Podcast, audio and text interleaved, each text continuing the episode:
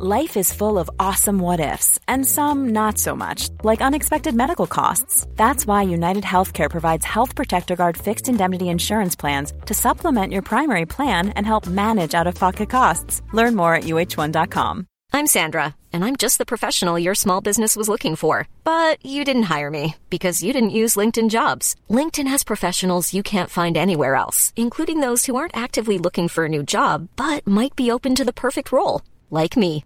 In a given month, over 70% of LinkedIn users don't visit other leading job sites. So if you're not looking on LinkedIn, you'll miss out on great candidates like Sandra. Start hiring professionals like a professional. Post your free job on linkedin.com/people slash people today.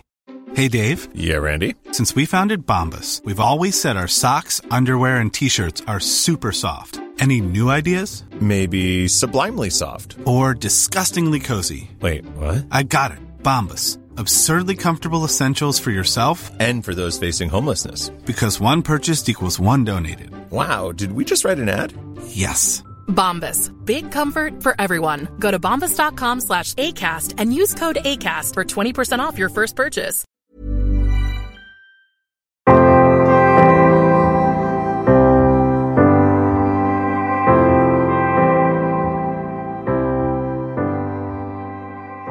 Hej och välkomna till Bröllopstankar. En podcast för dig som går i bröllopstankar, som ska gifta dig eller som bara älskar bröllop i stort. Jag heter Isabella och jag är eventplanerare och bröllopskoordinator. Och jag startade den här podden för att prata om bröllopsplanering och alla de olika stegen som det innebär. Vad man ska tänka på och vilka fällor man ska undvika. Helt enkelt kunna vara en person att hålla i handen längs hela er bröllopsplanering. Och idag är det första advent, i alla fall så är det det när jag spelar in. Och jag hoppas att ni har haft en underbar helg och en underbar start på veckan. Och precis som jag precis nämnde så handlar ju den här podden om bröllopsplanering. Och jag har ju samlat på mig en hel del erfarenheter när det kommer till event och bröllop. Och helt enkelt fått med mig saker som kan vara bra att tänka på när det kommer till sin planering. Men också saker som jag tycker att man ska försöka undvika. Så därför tänkte jag att dagens avsnitt ska vara tre stycken dos and don'ts i er bröllopsplanering. Och jag tänker att jag bara startar på en gång och dyker rakt ner i det här. Och det första som jag skulle vilja säga på min to-do eller min do-lista som jag tycker att man ska göra. Det är att ta hjälp. Och antingen då om man väljer att ta hjälp genom att jobba tillsammans med en koordinator eller en planner. Eller om ni har möjlighet att få mycket hjälp från era nära och kära. Men våga att ta hjälp. Det kanske är många saker som i början känns väldigt roligt. Eh, och det är det ju också. Det är jätteroligt att planera bröllop. Men ett år in i planeringen så kanske man istället känner sig ganska överväldigad. Och sitter man då själv på alla poster så kan det bli extremt jobbigt. Och i värsta fall så kanske man till och med känner att man bara känner att nej, fan nu skiter vi i det här. Jag ångrar att vi ens bestämde oss för att vi skulle göra det så här stort. Vi skulle bara stuckit iväg bara vi två och gift oss. Utan alla våra vänner och familj. Och det är ju så tråkigt att behöva känna så. Och det här är ju en fest och en dag som man gör en gång. Och att få ha möjligheten att ha med er sina nära och kära om man nu egentligen känner för det är ju helt magiskt. Så våga be om hjälp så att ni inte behöver hamna där. Och om man inte kan få så mycket hjälp från sina nära och kära så kanske det kan vara värt att justera om lite i er budget så att ni har möjlighet att ta in den hjälpen. För att det är väldigt mycket som ska göras och det är väldigt mycket som ska göras även om man tar hjälp. Ehm, så det kan vara skönt att ha någon annan där som ansvarar för att allting blir gjort och tänker på allt så att inte någonting faller mellan stolarna. Du ska inte behöva sitta där och vara helt slutkörd på ditt bröllop för att det har varit så mycket i planeringen. Och du vill kanske inte heller att din mamma eller din bästa vän eller någon annan nära också eller heller ska behöva känna så. Så därför så är mitt första tips och min första do det är att faktiskt ta hjälp. Nummer två på min lista som jag tycker att man ska göra det är att boka in planeringsmöten eller att avsätta tid för planeringen. Och det här hakar egentligen på tipset precis här innan om att man lätt kan trötta ut sig själv. Ofta så är det ganska länge man håller på med sin bröllopsplanering. Man kanske håller på i över ett år. Och håller man på att tänka på det hela tiden och håller på att småplanera hela tiden så är det också enklare att man faktiskt hinner tröttna. Så att om man kommer på en bra idé någon dag när du står och lagar mat eller när du sitter på jobbet eller vad som helst, skriv ner det då. Men avsätt en tid för när ni faktiskt tillsammans kan sitta ner och jobba med planeringen. Då behöver ni inte heller gå runt och så känna ett konstant dåligt samvete för att ni borde göra mer, ni borde ha kommit längre än vad ni redan gör. Och känna att så fort ni får lite tid över så borde ni göra någonting som har med bröllopet att göra. Då blir det också ganska lätt negativt laddat och en, istället bara en lång lista med massa måsten. Så att det är bättre att ni bokar upp tid och faktiskt sitter ner och gör det när ni kommer in i flow. Och resten av tiden så kan ni istället samla inspiration och inte behöva känna något som helst dåligt samvete. Min sista do som jag verkligen tycker alltid är viktigt men kanske ännu viktigare i år än någonsin. Det är att boka era leverantörer i god tid. 2022 och 2023 kommer vara några hektiska bröllopsår också eftersom att många förlovar sig och skriftar sig hela tiden. Men också eftersom att många har skjutit upp bröllopen under två års tid så är det många bröllopssäsonger som ska in ja, men från två år egentligen. Så vill man då känna sig lugn och få de leverantörer som man verkligen tycker om och som kommer vara med att skapa ert drömbröllop tillsammans med er då är det bra att vara ute och boka i god tid. Och vad är då god tid undrar ni? Och många leverantörer tyvärr är redan uppbokade för 2022. I alla fall vissa datum som är populära datum. Men självklart ska man ändå alltid fråga så utgå inte från att det säkert är bokat utan självklart ska ni fortfarande fråga och alla är inte uppbokade så bli inte för stressade. Det är inte säkert att det är uppbokat. Men om man vill vara på den säkra sidan så skulle jag säga att ungefär ett år till tio månader i vanliga fall är ett ganska bra riktmärke. Men som sagt de här åren som kommer nu är lite speciella. Och vet man specifikt att man vill ha med någon i sitt bröllopsteam och för år 2023 till exempel Fråga redan nu då, det är ingenting att vänta på utan kör på. Och när ni väl har bokat ert team då kan ni egentligen slappna av ganska mycket. Så att det blir en lite så här uppbokningsrace nu. Och sen kan man slappna av och ta upp planeringen lite senare.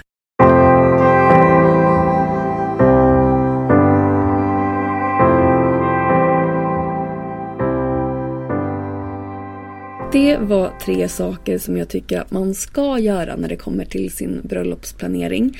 Men sen så finns det också saker som jag tycker att man inte ska göra. Så att jag tänker att vi hoppar på det nu på en gång. Och det första på min lista för don'ts och det här är egentligen inte att man aldrig ska göra det här. Men man underlättar ganska mycket för sig själv om man gör tvärtom. Och det är att bestäm inte ett datum innan ni har bokat en lokal. Många lokaler blir bokade långt i förväg som vi precis pratade om.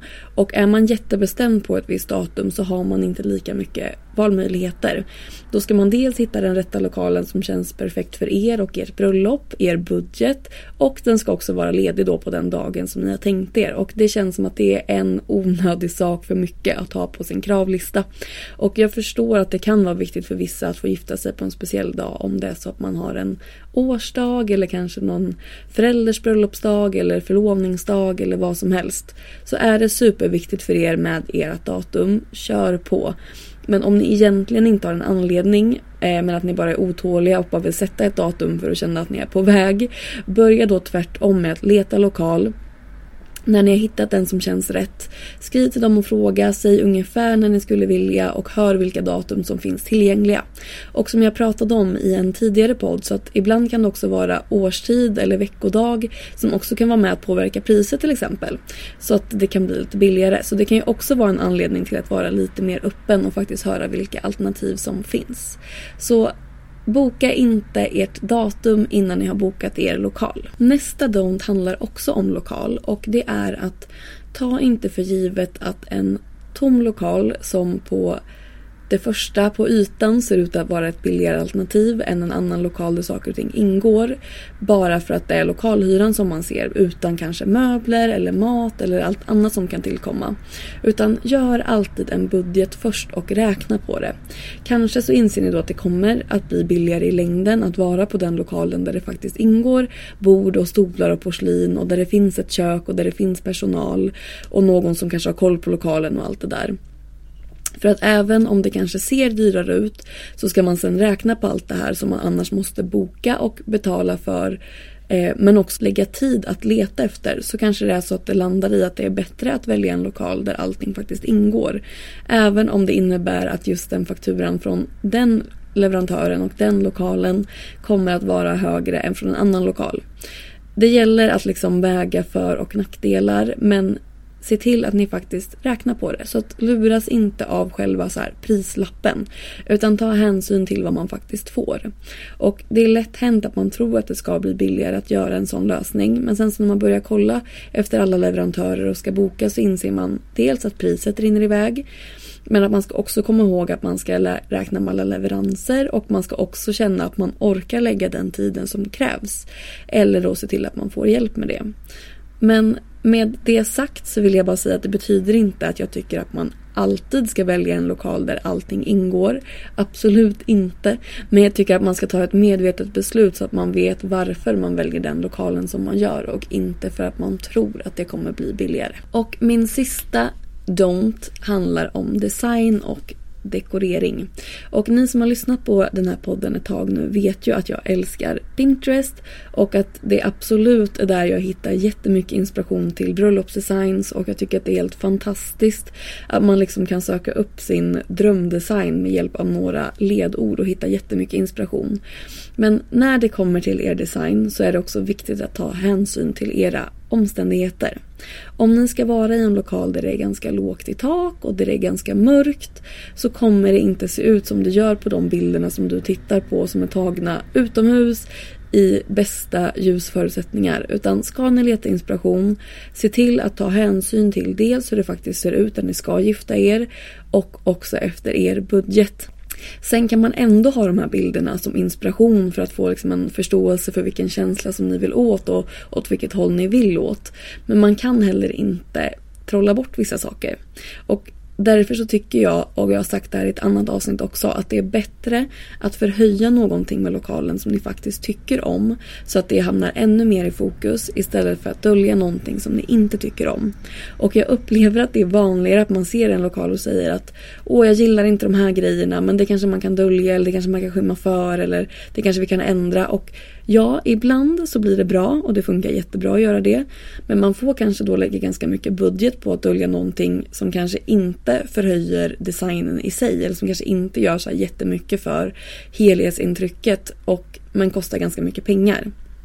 Då tycker jag att det är bättre att som sagt förhöja någonting som ni faktiskt gillar. Så att fokus hamnar på rätt ställe och att det är det man tittar på istället. Med det sagt så kan man självklart också dölja och förminska vissa saker. Men utgår man från den lokalen som man har och den budgeten som man har så sätter man också rätt förväntningar. Så att jag tycker ändå att man ska titta på inspiration. Märker du att alla bilder som du sparar har väldigt mycket blommor till exempel men i er egen design så har ni nästan inte lagt någon budget på blommor.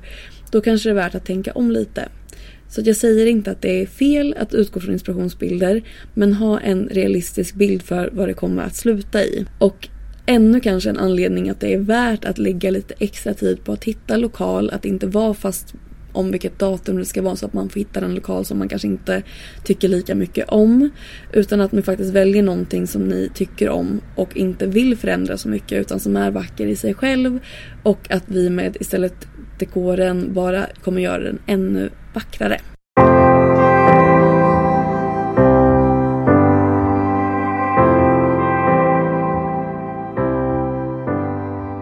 Det var tre stycken saker som jag tycker att man ska göra och som jag tycker att man inte ska göra när det kommer till er bröllopsplanering. Och jag tänker att vi ska avsluta med en fråga som jag också tycker stämmer ganska bra överens med det som vi har pratat om lite.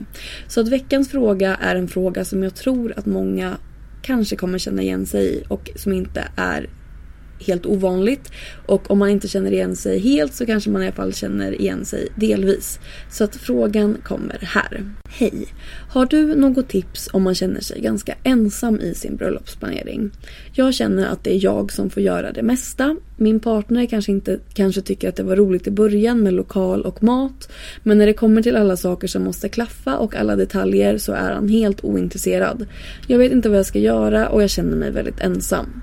Jag har inte heller vänner och familj som är så engagerade. Eh, från att bröllopsplaneringen kändes som världens roligaste så känns det nu bara som en stor ångestgrej. Har du några tips för att komma ur den här känslan? Och jag skulle säga att det är nästan mer regel än undantag att den ena personen är mer motiverad till bröllopsplaneringen än vad den andra personen är. Eller i alla fall att den ena personens engagemang brinner ut mycket snabbare än den andra.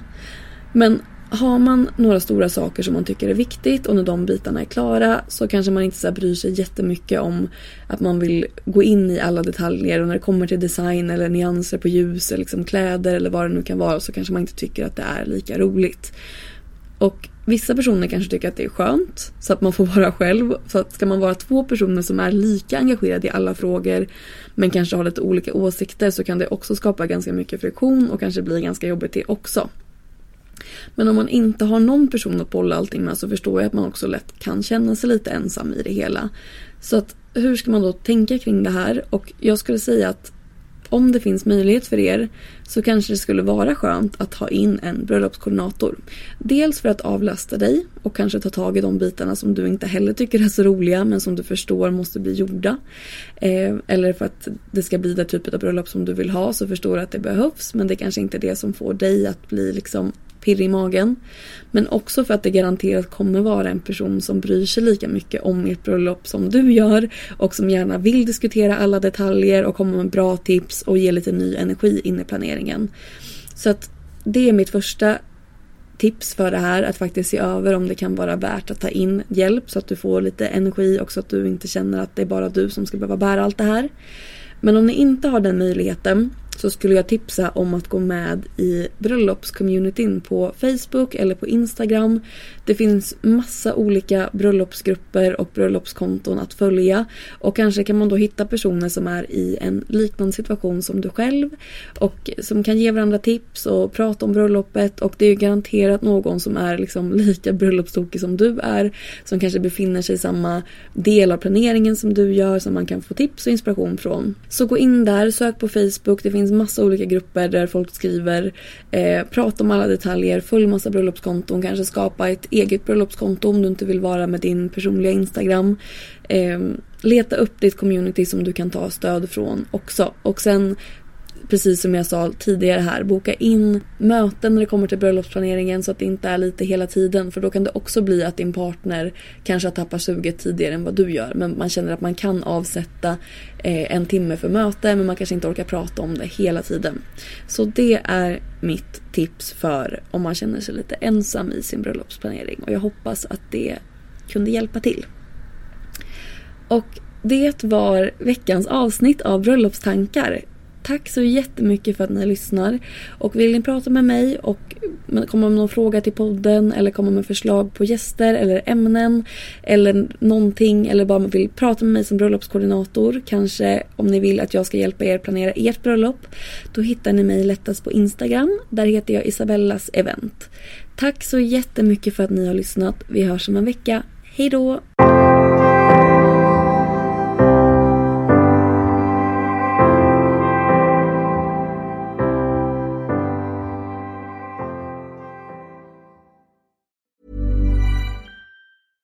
Hey, it's Paige DeSorbo from Giggly Squad. High quality fashion without the price tag. Say hello to Quince. I'm snagging high-end essentials like cozy cashmere sweaters, sleek leather jackets, fine jewelry, and so much more. With Quince being 50 to 80% less than similar brands.